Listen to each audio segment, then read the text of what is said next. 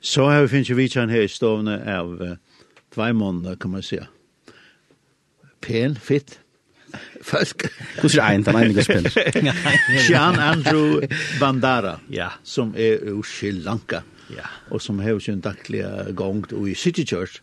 Og vi så når han sitter uh, pastor, Ikke ja. Tom? Halde Evion. Tom Jakobsen. pastor. Hjemme halde Evion, så det er jo skylda. Og en deilig frusk stemning her i morgen, det visste jeg godt, så alt kunne vakna. Ja, det er det. Og vi har, dit har, vi har bjørget til kun her til, at dit har også med det jól i Nanja.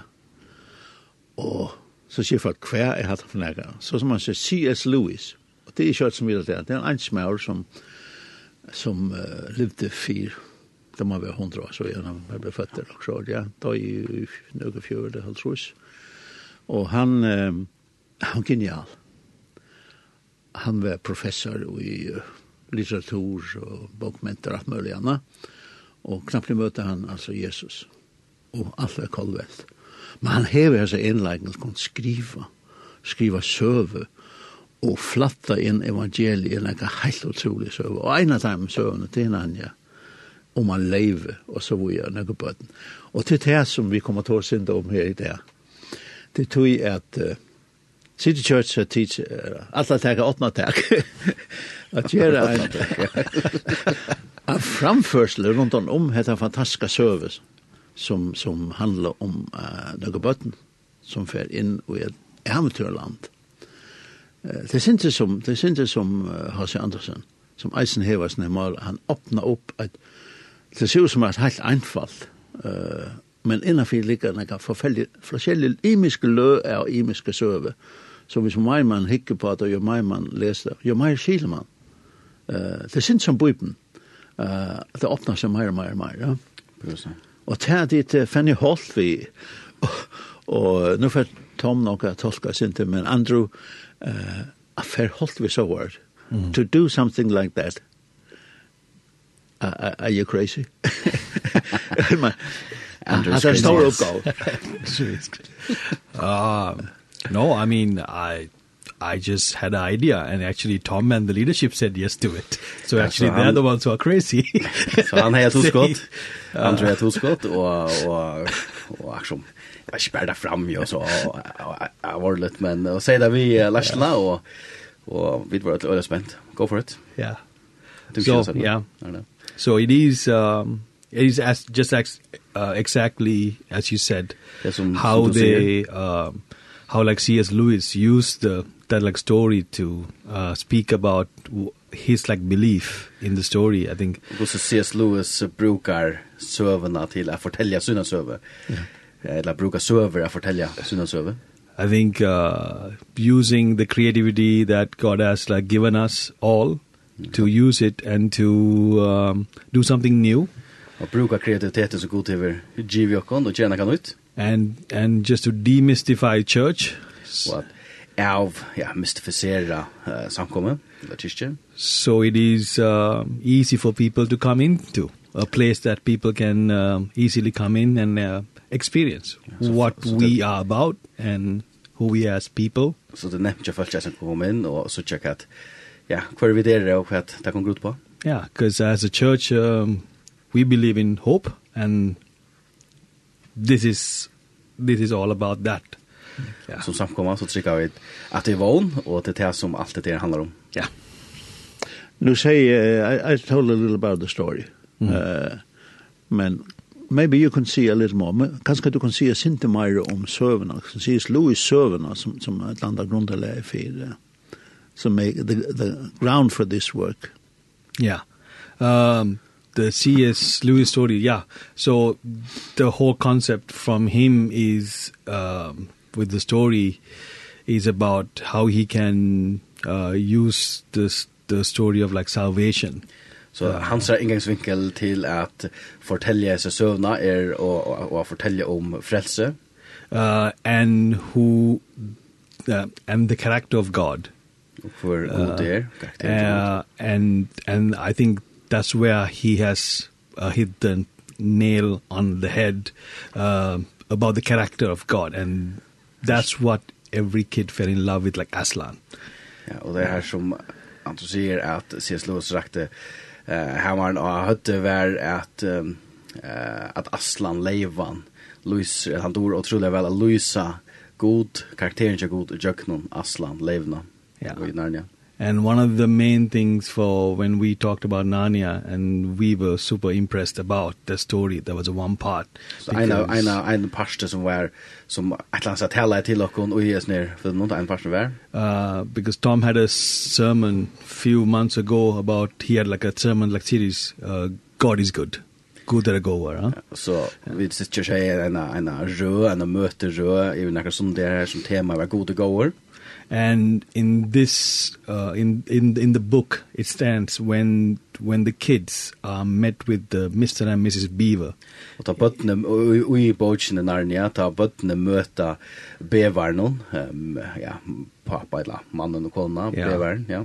And they talked about the, the beavers talk about this like the prophecies being fulfilled through them being in Narnia og, og beverne tåser vi bøttene, at profetiet gonger ut nu i jøkken og bøttene, nu at jeg kommer i Narnia.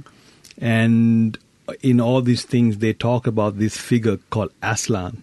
Och ut så trots att det omvända figuren som heter Aslan. And then the Peter, the older son, asked the Mr. Beaver, uh, who is Aslan? Så so, Pe Peter, Peter, eller Peter, Peter, Peter, jeg vet ikke hva det først kom inn. Men den eldste batchen, han spyr, det sier beverne, men hvor er det snir Aslan? And then the beaver replies saying, "Oh, uh, he's the king of all and he's the top uh, top person in the woods. Through him everything lives and all these things about Aslan." Wow. Og bevar sværar Aslan er topperen av öllna han er tjøkken til han som hever styra öllna han som bestemmer, og tjøkken han er det alt eksisterer. Uh, and then the Susan, the the oldest daughter, I mean the oldest girl, uh, Uh, she replies, oh, is, is Aslan a man? Og, og Susan, som er den eldste systeren, at han må fyra spyr, så er Aslan så en maver. Uh, and then the Mr. and Mrs. Beaver laughs and say, no, no, no, he's not a man, he's a lion. så Flenna bevar til henne, han er ikke en han er en leiva. So soon as when that question pops up, is he, uh, the Aslan is a lion, and the Lucy, her reaction to is, is, as, is he safe? Og, yeah. og ta ta finna det at Aslan er en leiva, så spyr Lucy som den yngsta, men er han trygg, er han farlig? Uh, and then the Mr. Beaver says, oh no, no, no, he's not safe, but he's good. Mm. Yeah. Så sen, ja, han kan godt være farlig, eller trykker farlig, men han er goer. Han kan godt være farlig, men han er goer. Yeah, so in that sense, yes, um, sometimes, uh, uh, sometimes I feel like uh, uh, God is not safe for things that is like unjust in the world or for the evil he's not a safe. Och så ja. som han säger är han hela så att att god är er, kan gott vara eh uh, farlig eller åt uh, man kan han häver som så där eh uh, motor orättvis och motor eh tas med skaft ta er han kan han vara strängare och herre och farlig hur går så igen but he's the goodness of goodness yeah. like Men han är that is yeah goer, that yeah. is that is no doubt in that that he is good mm -hmm. and all good is from him and he's good and Trojsnive han the goer or allt att goa kommer från hon yeah so and that like sp uh, spoke like volume to me how he managed to like deliver that type of a kingdom the principle in those days in the 1800s through a book and as through a story Och ta ta sig vi vi andra ta sig vi och knall och man går så syns Louis klara i att att Louis är en sån karaktär i Jöknon hesa sövna og i hesa tiden som han levde. So for us uh, for me was thought like okay this is something we can do and uh, I think that uh, the whole story of uh, Narnia fits into what our church like the is our one of our like, the core values called one mm -hmm. uh, Så och det är sövan och Narnia tar vi tog söm till så passar det öliga väl in till ochkara vision ochkara mission ochkara vire och sitter som är van. Ja, så that is why mm -hmm. we um, yeah, that's why we had Narnia very good match. Yeah, that's why it was a good match so yeah. Leven eh uh, uh, han han han han kommer ju eisen aktivt in in i bøtten møter han. He meets the, they meet the lion. They meet the lion, yes. And what happened? Yeah, I mean that is where they like fulfill the like the destiny. Uh, each and every one has a like destiny that uh, um, according to the the story. So after meeting the lion, uh, it's not just meeting the lion; they are meeting with their own like the destinies. Hmm. Um, like ev even the younger boy you know, uh, who like betrayed uh, uh, Aslan and the group, you know, he he finds it like destiny. And uh, uh, he was named by Aslan in the end uh, Edmund the Just because he understood what is to be just because somebody has um somebody else made him justified mm -hmm. uh and sorry. Ja, no nej, going for it. Ja. Ehm nej, så ta ta ta ta möta Levne som finna det er som det finna sig själva det finna att herra lagne, det finna kvar det verlig är det att det mötes av levende och och och ehm um, ska var det? Uh, he was he was Pete, he was not Peter but uh, uh, Edmund Edmund ja. Yeah. Yeah. yeah. Edmund han var han sveik uh, Narnia och och i princip nästan Aslan men men han men Aslan ger honom nytt namn Edmund han rättvis ja. Yeah. Och så han han, han bröt det här identitet simpelt och og tar lagt ned. Ja. So it is finding the like the destinies also mm. uh in Narnia. So um so everything in that book was like speaking like volumes about mm -hmm. uh how how uh, how that kind of a story like transcends uh, every nature of God yeah. uh, uh, and also uh, speaks like volumes into just like heaven itself. Uh, så så ta ta så vån in till stöna och det som Lucas legit att lugga är att ta ta det möta Aslan så finna det vån för i snä att att det är nutja tojer och det är det som öll boja i etter, mm. det, nu är det väl kæve, och nu är det mist, och det är den uistrottningen som bestämmer och allt det blir kallt och kälet och strängt och folk försvinna och sånt och då och då så möta Aslan som tänker han ska synd synda bench för det vi kör kvar ner till att är har hörst att han leva leva mer farlig. Men så då det möta Aslan så så finner det vån och han trossar Louis intill te och så hette det planen så vi får göra och och så körs det komma till han. Så är det Kavemar här som han är och och han är som kan man säga melda krutch mot det myska mm. uh, som räver här och og allt det här bara tossar in i sånt alla samkomur det är det som vi vi gör men för jokkom var där ja ta ta ta sätts bara så det er något som vi ja mega spännande det är ju en otrolig it's a very exciting story. Utrolig server som som som vi skulle ta oss mer om. Men nu för att det är lära fest. Och vad skulle det vara kan vara tid? ja, det er uh, Little Drummer Boy, uh, King and Country.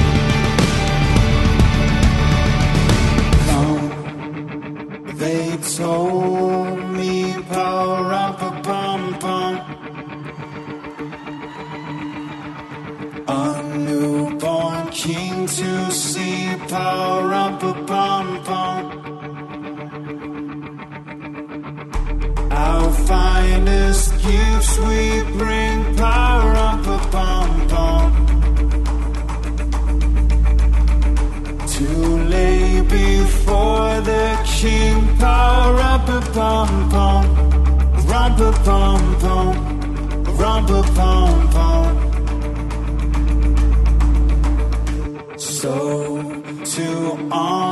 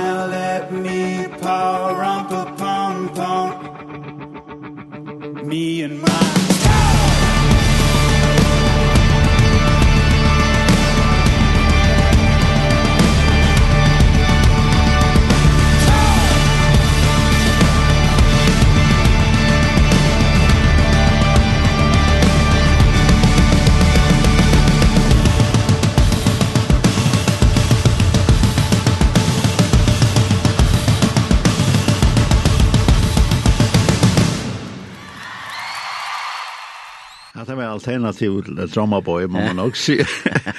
Men er vi det her i studiet i Lindene, og vi sitter trods om Jovli Nanja, som er en, en faktisk en, en sjånleik, en framførsel, som kommer være nere i City Church den 11. og den 18. Det kommer vi rett til. Og her står han som er sitt, vi kaller det Andrew, ja. og Tom, Tom Jakobsen, som er pastor nere i, i City Church. Og Andrew, han er kanskje den som klagt klakte etter fyrst. Ja, absolut. Ja. Yeah. We we are around the when the children meets uh, the lion. Mm. What how they murder Levena. And what happened? Yeah, so the what uh what happens is uh when when the kids meet the lion, the first time the kids meet the lion, it was just uh, Lucy and Susan and Peter. So first of all, they meet the lion, so it's bara de tre, uh, ja, tre av dem. Ja, ja. Uh, Peter, uh, Susan and uh, Lucy. Because like Ed Edmund is with the witch uh, being uh, caught in her, uh, how do you say, enchantment or whatever. yeah, så Edmund han er nast ängste, han er så vi vi heksene, eller vi säger yeah. Ja. uh, og, og er som fengar og i henne han gever han gever, hon gever hon det som han vill ha och han då skulle jag att det är negativt så han är inte fängar här. Ja. So the plead from the other siblings is like uh, try to save him like uh, cuz they are very they are very worried what Aslan is going to do to the traitors. Uh, and by law in Narnia all traitors must die mm. and that is the that is um, whole uh, whole this uh, their concern is about like they know that uh, they have they're going to lose their like the yeah they're going to lose a brother. Yeah. So det som de er bench for det they de vill fatta edmund after er at att de vill rätta dem lowen og i Narnia er at de som switcha de må betala en pris og det er vi lov någon det är lowen och i heimen og Narnia. Yeah så det är bench för att det förhänta hvis hvis de inte rätta bara just en ivratter till and Aslan there. and that's where Aslan makes the makes the great like the decision to surrender himself in order to uh, save Edmund. Yeah. Ja, så da hon kommer och och kräver att att att en switcher ska lette lov, så fer teker Aslan henne her uistrottningarna in och och det ser man så ikke bare vet men men ger en avtale så at, at Edmund slipper fruer, um, men Aslan uh, gjør sitt love. Ja. Vi står in for. Edmund.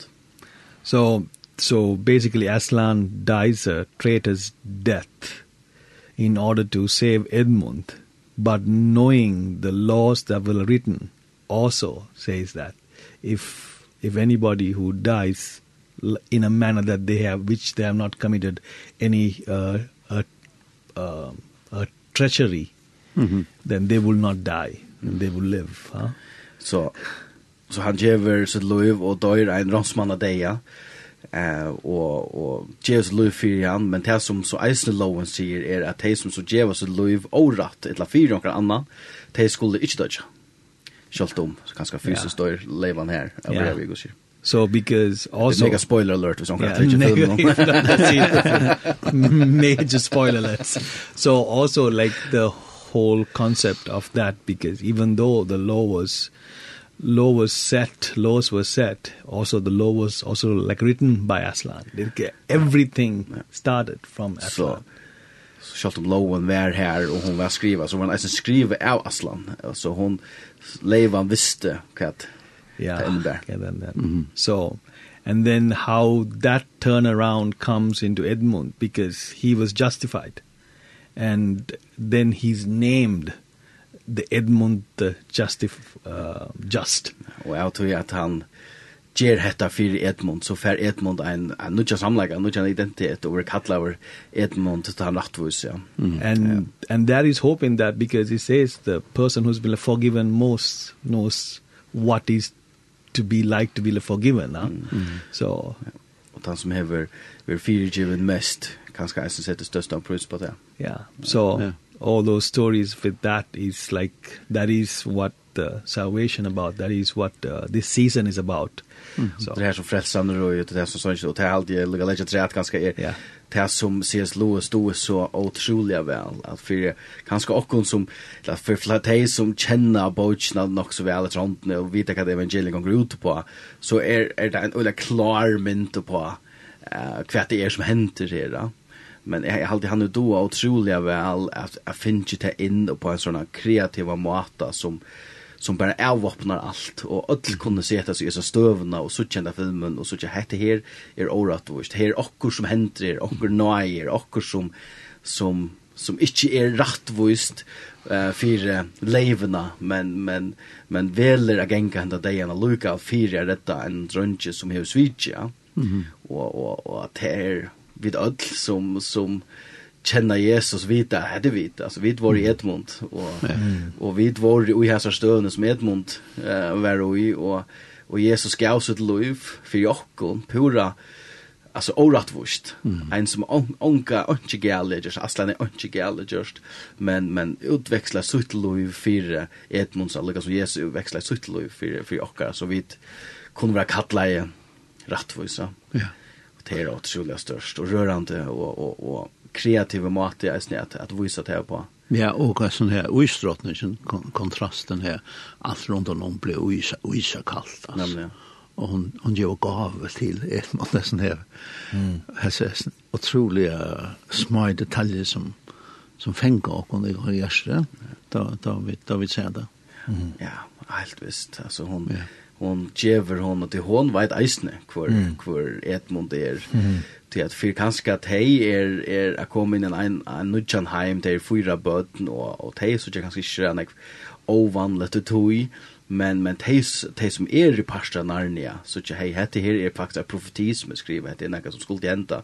Og uistrottningen visste eisne det så hon røyna vinner han i vinner han iver og på det simple tension i løvna hva er det vil teva Turkish delight sjokolade mm. kunne valgt alt i verden men men det er vel den ordre jeg ja det skal få Ja. så lunch to ger hetta för mig och för mm. kvar session det här och Röna vinner det EU på tammatarna. Ja. Och så kött som han så börjar sucha till galle så är det långt för sent. Ja. Ta är han långt fänka över och i Mm. Um, ja, och i och i ströttna hem någon och ute kallt där sätter fångsel och och enaste maten han släpper ut är vi sånkar det där. Och och och rättvist ska hända att han är en switcher och allt det där. Och så så kör det Aslan. Trackar in. Ja. Men bakka att till till klattnarskap. Eh, uh, the wardrobe. Mm. If you look about the wardrobe.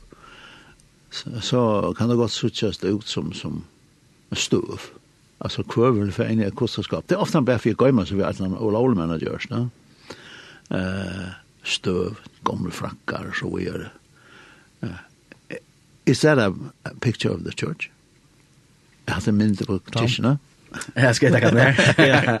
Till är halt alltså jag halt helt klart då. Alltså te sövan är syns det är det crutch och te var flott ut av landet och och är böden gera te som te som ena för gera och är ganska kör eller nek Anna och och så spelar de och spelspel och bråtar det ut och här är en sträng kona som liksom helter huset. Ehm um, eieren är här som är så nog spännande kvart här det här som är eier husene.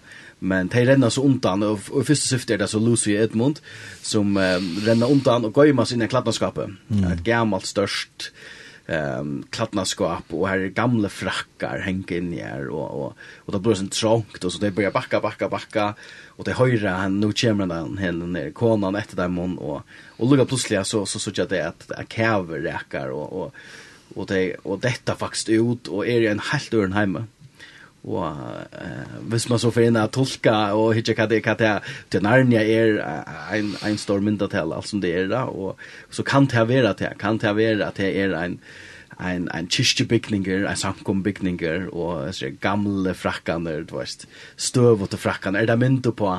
Mm med og til, det er gamle følelsene som er inne her, og, og er i her, og, og, og, det er det som jeg heldig eisen ofte henter, um, ta ta man kommer känna Jesus det är inte alltid att man ger det här vilja alltså nej nu för jag letar efter Jesus och hoppas jag finner mig man man backar sig in och utläst det att lägga plötsligt hej wow det var inte en helt annan heimer yeah. det som så utlaver och gammalt stövot frackot ointressant näka ehm mm. um, lägga plötsligt omboa näka en helt en en sorts poster till helt annan mm. liv, en helt annan heim och och i här så så kommer du in i Narnia så kan så om på allt möjligt men men kommer in i att okej här är också som inte är som är vara men här vån in i här och man finner ett landa. Um, en mening. Vi människor vi ha vi har den här stereotypen mat att huxa på. Mm. Och typ bare god som kan bråta det. Ja. Alltså, ja, visst du ska møte Jesus ska det pom pom pom. Du ska se här her, du ska färda. Så sånn virker det jo slett ikke. Slett ikke. Nei. Slett ikke.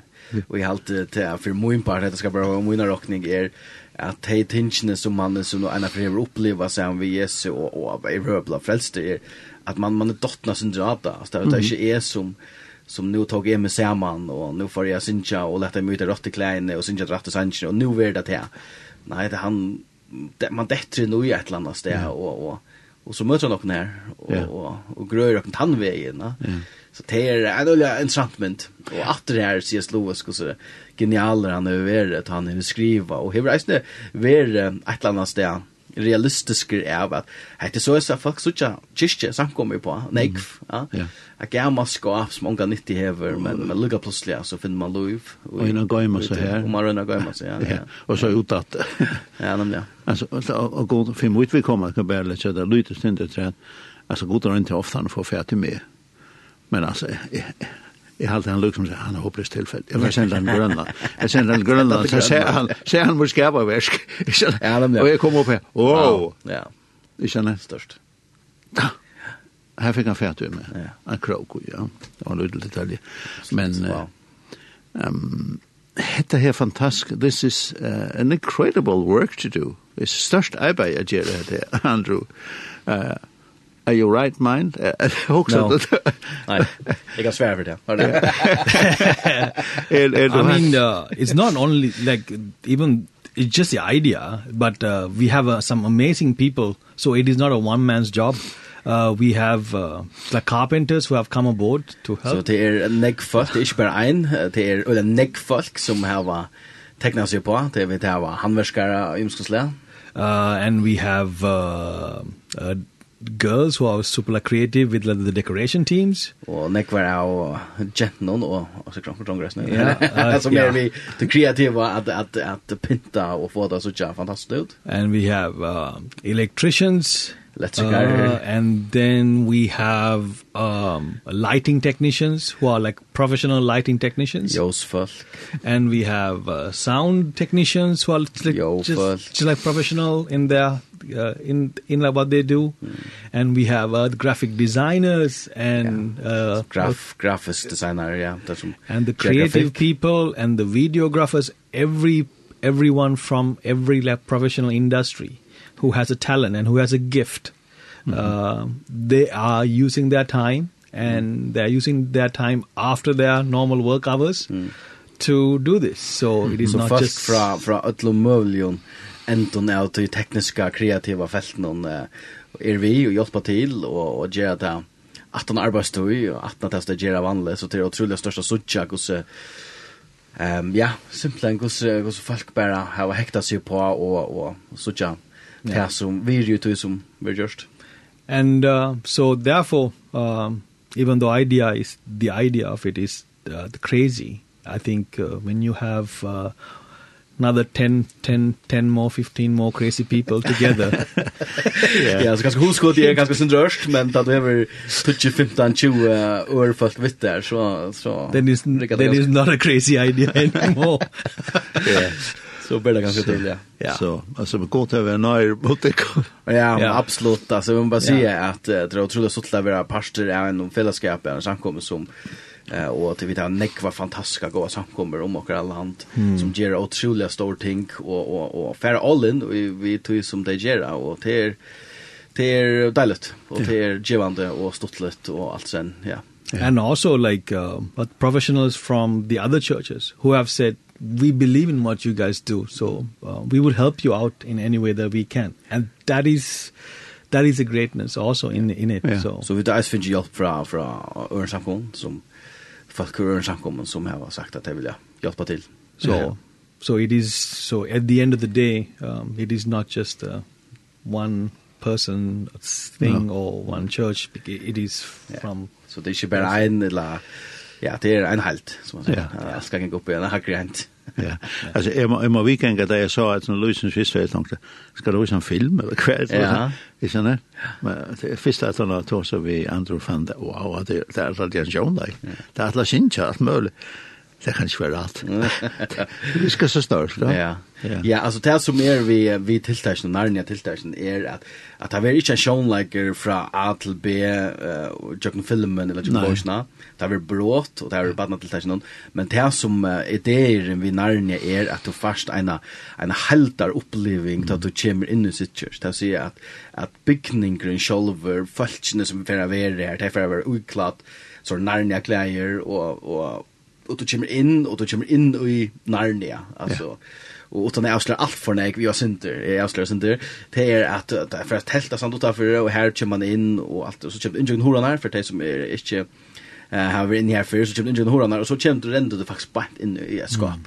Yeah. Ett gigantiskt skap som som är byggt här och innanför här um, vi så frackar och kläder och så och täskar så det är så ja skap i Narnia och yeah och og så först så kan för på eller så förstod på og Och så er erst du i Narnia. Så tan processen är gänga ner det här trapper för det att för det som ikke var väl her Så så gång du faktiskt inte ska på in i Narnia jag kan trappen där och här för så likta pillen som är i Narnia for å standa och ja. Och så får det vara jås och, och trö och jo effekter där det gånger nian och, och så kommer du faktiskt in i Narnia upp ja, i salen. Ja. Och ja, så ja, det var utrolig spennende. Vi skal høre det, og så skal vi lukke til oss en avslutning om uh, hvordan kan man, skal man melde seg til, eller, eller hva oh, ja. er det? Hva er det her vi funnet? Yes, vi har funnet Noel, ja. Chris Tomlin, og Lauren Daigle. So the, all those Daigle. songs that we have played is some songs that uh, yeah. City Church worship like perform uh, on that day. Okay, too. yeah. Just, uh,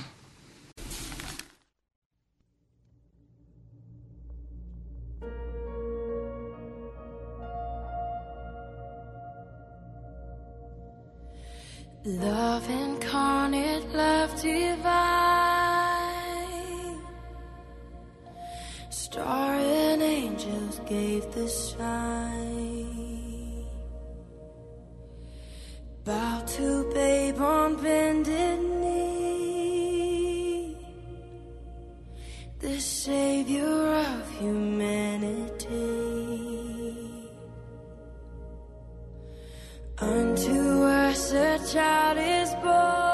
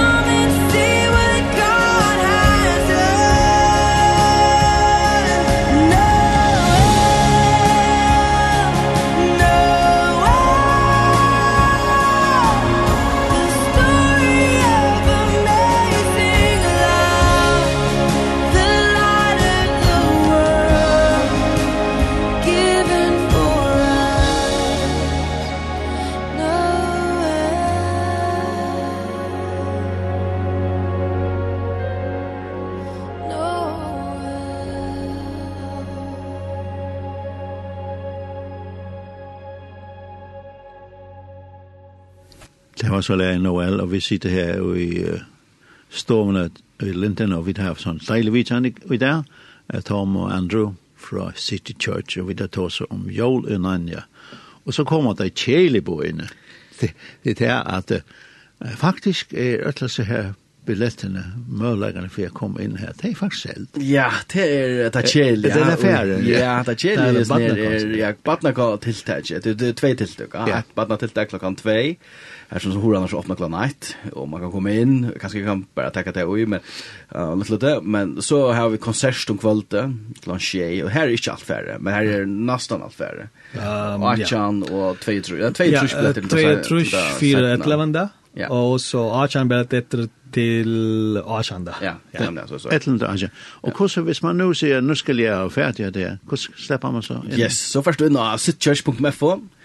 Och och så stendte det är påstand at du klarar inte att inte så tjata där sen blinkar bak där Joel i Narnia och så ängsttalande så er det en skon och så klickar du in handa veien, och så fylls du faktiskt bara instruktioner instruktioner att till det är utsält tyvärr eh eller tyvärr ja till till neck folk och vi tar avmarska plus alltså allt är ochepes. Eh men man måste ha ekonomiska legal till att vi skulle ha frihalt och till regler så vi tar och vi tar simpelt plus till Mira och sällan vi öll pinten och så för att komma upp och så så är det cirka 100 trus Ja. Ehm plus och det är ju bäj färre till Battletechna till till testajer. Men som kvällte så är konserten hon är så stadväck här ankrar biljetter efter. Og jeg kan kanskje nevne at tar man kommer inn uh, um, om dagen, hvis jeg badna til det så vil det først, det vil også godt avbyt, som er som er avkjøpes, Og jeg fikk ikke alt for nek, men, men det var ikke bare vanlig kakaoboller, det var sånn det bare, jeg vet ikke, narnia litt, og hvis det er et år. Um, og så kom du inn i handa, og så når jeg under, og pja, tatt for kjøkkenskapet, og oppkjønt trappen her, og i selen kjøkken, og så kom du inn i Narnia. Men planen er så at jeg når jeg under, så har vi, vi tar litt minnesel og en kafé, eller, altså, når jeg under. Og det skal så fyrstidla vera det huset som det var jo i, mm -hmm. uh, her som skapet stå. Så her det var sånn så skammeldags uh, boga sound-aktet, yeah. her som de så kunne um, skriva postkort, bøttene mm -hmm. som kom, få opp tve postkort til parst, og så kunne de skriva til ommer appar föräldrar eller måste onkran bara så det er hun til. Ja. Ehm och och så har vi finns fantastisk fantastiska gå stol från posta. til vi går tä kommer vi en postkassa.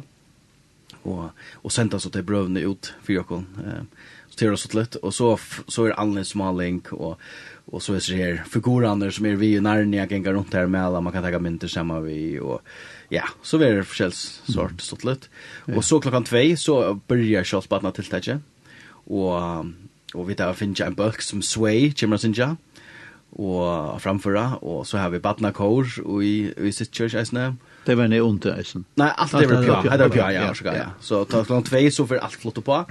Ehm og så var alt det til her, og så var eisen jeg liker, og fellessanker, og så. Så, så, så sjalt tiltaket er fra 2 til 3, men horan er åpner fra 1 til 4, som man har tog til at gjør det som man hod til, eh, Mia.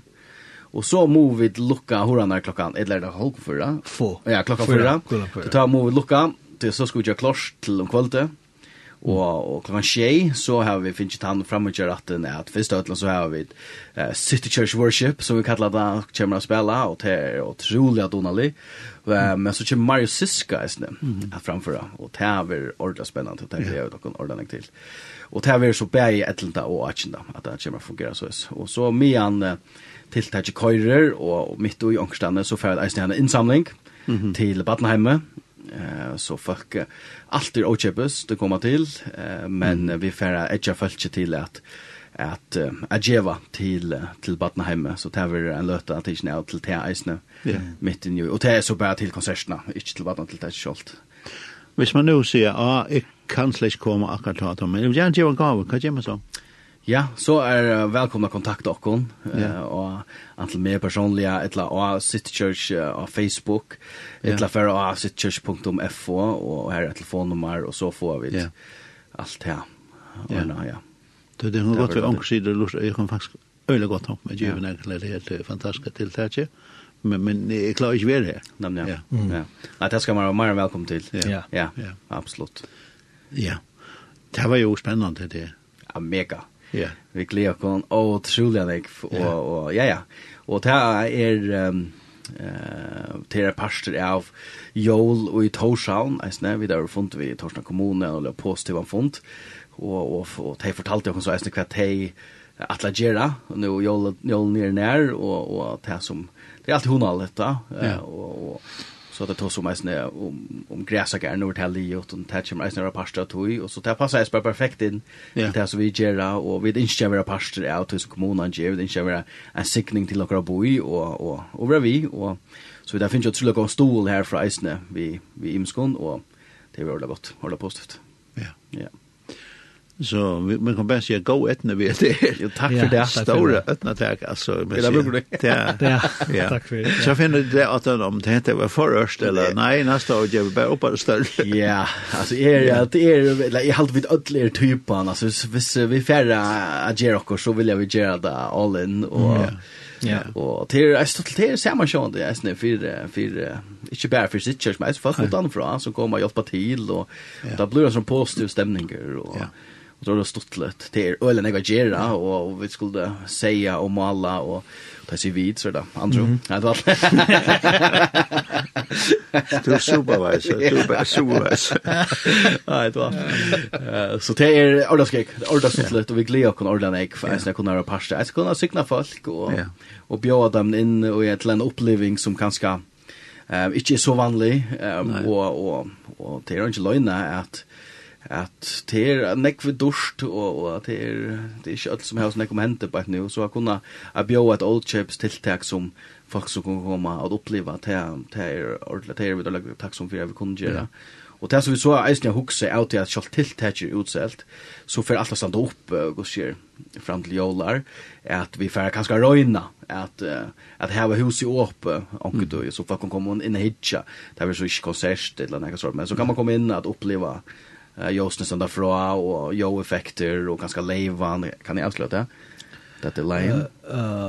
Ja, litt bedre. Leiva, Andrew her er en fantastisk firma som gjør sånn grafikk til filma. Aha. Yes, og det gjør sånne visuelle effekter og så. Så, så här har sitt jo arbeid til hans og utrolig eh uh, mannskap period ute. Uh, her har sitt og, just gjørst leivan som man kanske för så tjä kanske jag ska jag ska question något där eller något där att man kanske för så tjäna live och och skärmen som vi har här och Ehm um, så so kanske också där att yeah. man kanske man kan inte komma till shot till det att det utsält men men att fast kan kanske komma yeah. att hitcha och och, och få en agosiat intryck av känsla av kvart kan det gå ut på ja. Når jeg hos spør spiller Andrew, is it dangerous? the lion? no, no, no, he's good. You get, you he's, good. he's good. You get electrocuted. you go closer. so, no, men, tusen takk for at du kom, og, og det er är jag som det er godt nok å si gå etne, men Guds välsignelse i världen till tätje. Tack för det. Tack för det. Og folk som kom in här virkelig, Wow. Het, Wow. at klassnarskap kan bli ödespännande. Ja. Mm -hmm. yeah det er ikke bare et flutje enn og som, som og i bautjen her. Ja. Takk for det, og vi Et leia til alt. Stora takk for det. Ja, vi tenkte det var ganske synes, passande at nu er det Marius Siska som kommer å spela med ett eller Och og han hever utrolig nekv gåle, og en av timene er så nærveren, um, som jeg alltid vi kunde enda vi utrolig gåsanker. Ja, ja. Takk for at du kom.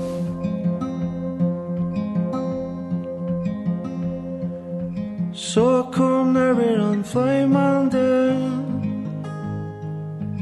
Utan att se mer Fra bara så Var hon natter her. Nemur hjärsta mitt boi så gå Tidje som om hon er Moin men det var at hon bor i tärn Tom ferir hon ner Men ett o er ei At liva och i lötan En sång er ein tid skal leva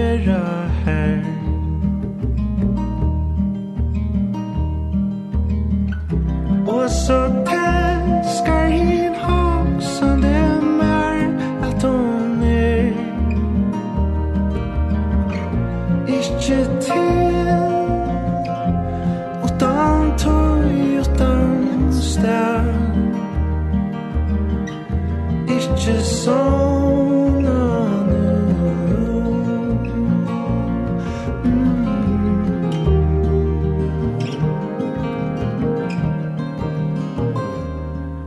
Sterskar känslor hållt och blå Tankar om vilje till av er Rau i hesson heimen om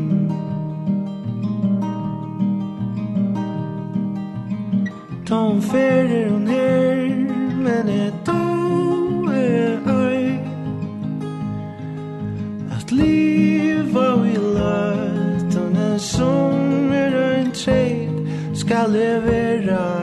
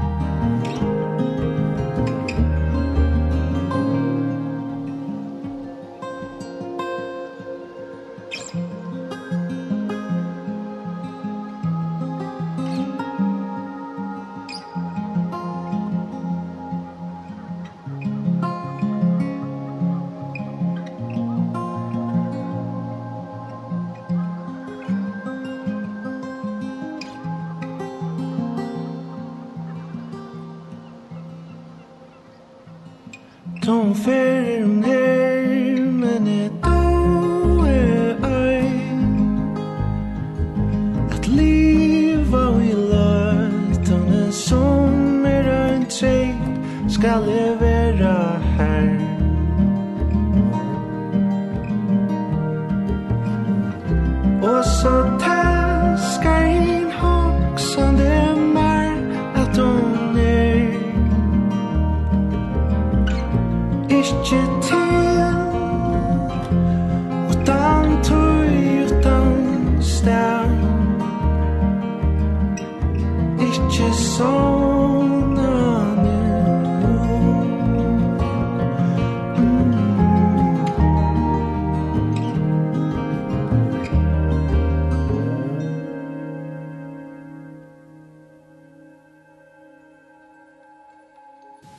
hørte Marie Siska, og vi har haft litt her i stående av uh, ombå fra City Church. Det var uh, Tom Jakobsen og Andrew, Sjönan Andrew Bandara, som uh, Kipa 4 hadde her fantastiska tiltag som heter Jolien Anja, som er bygd på søvnet til uh, C.S. Lewis, som heter Anja. Ja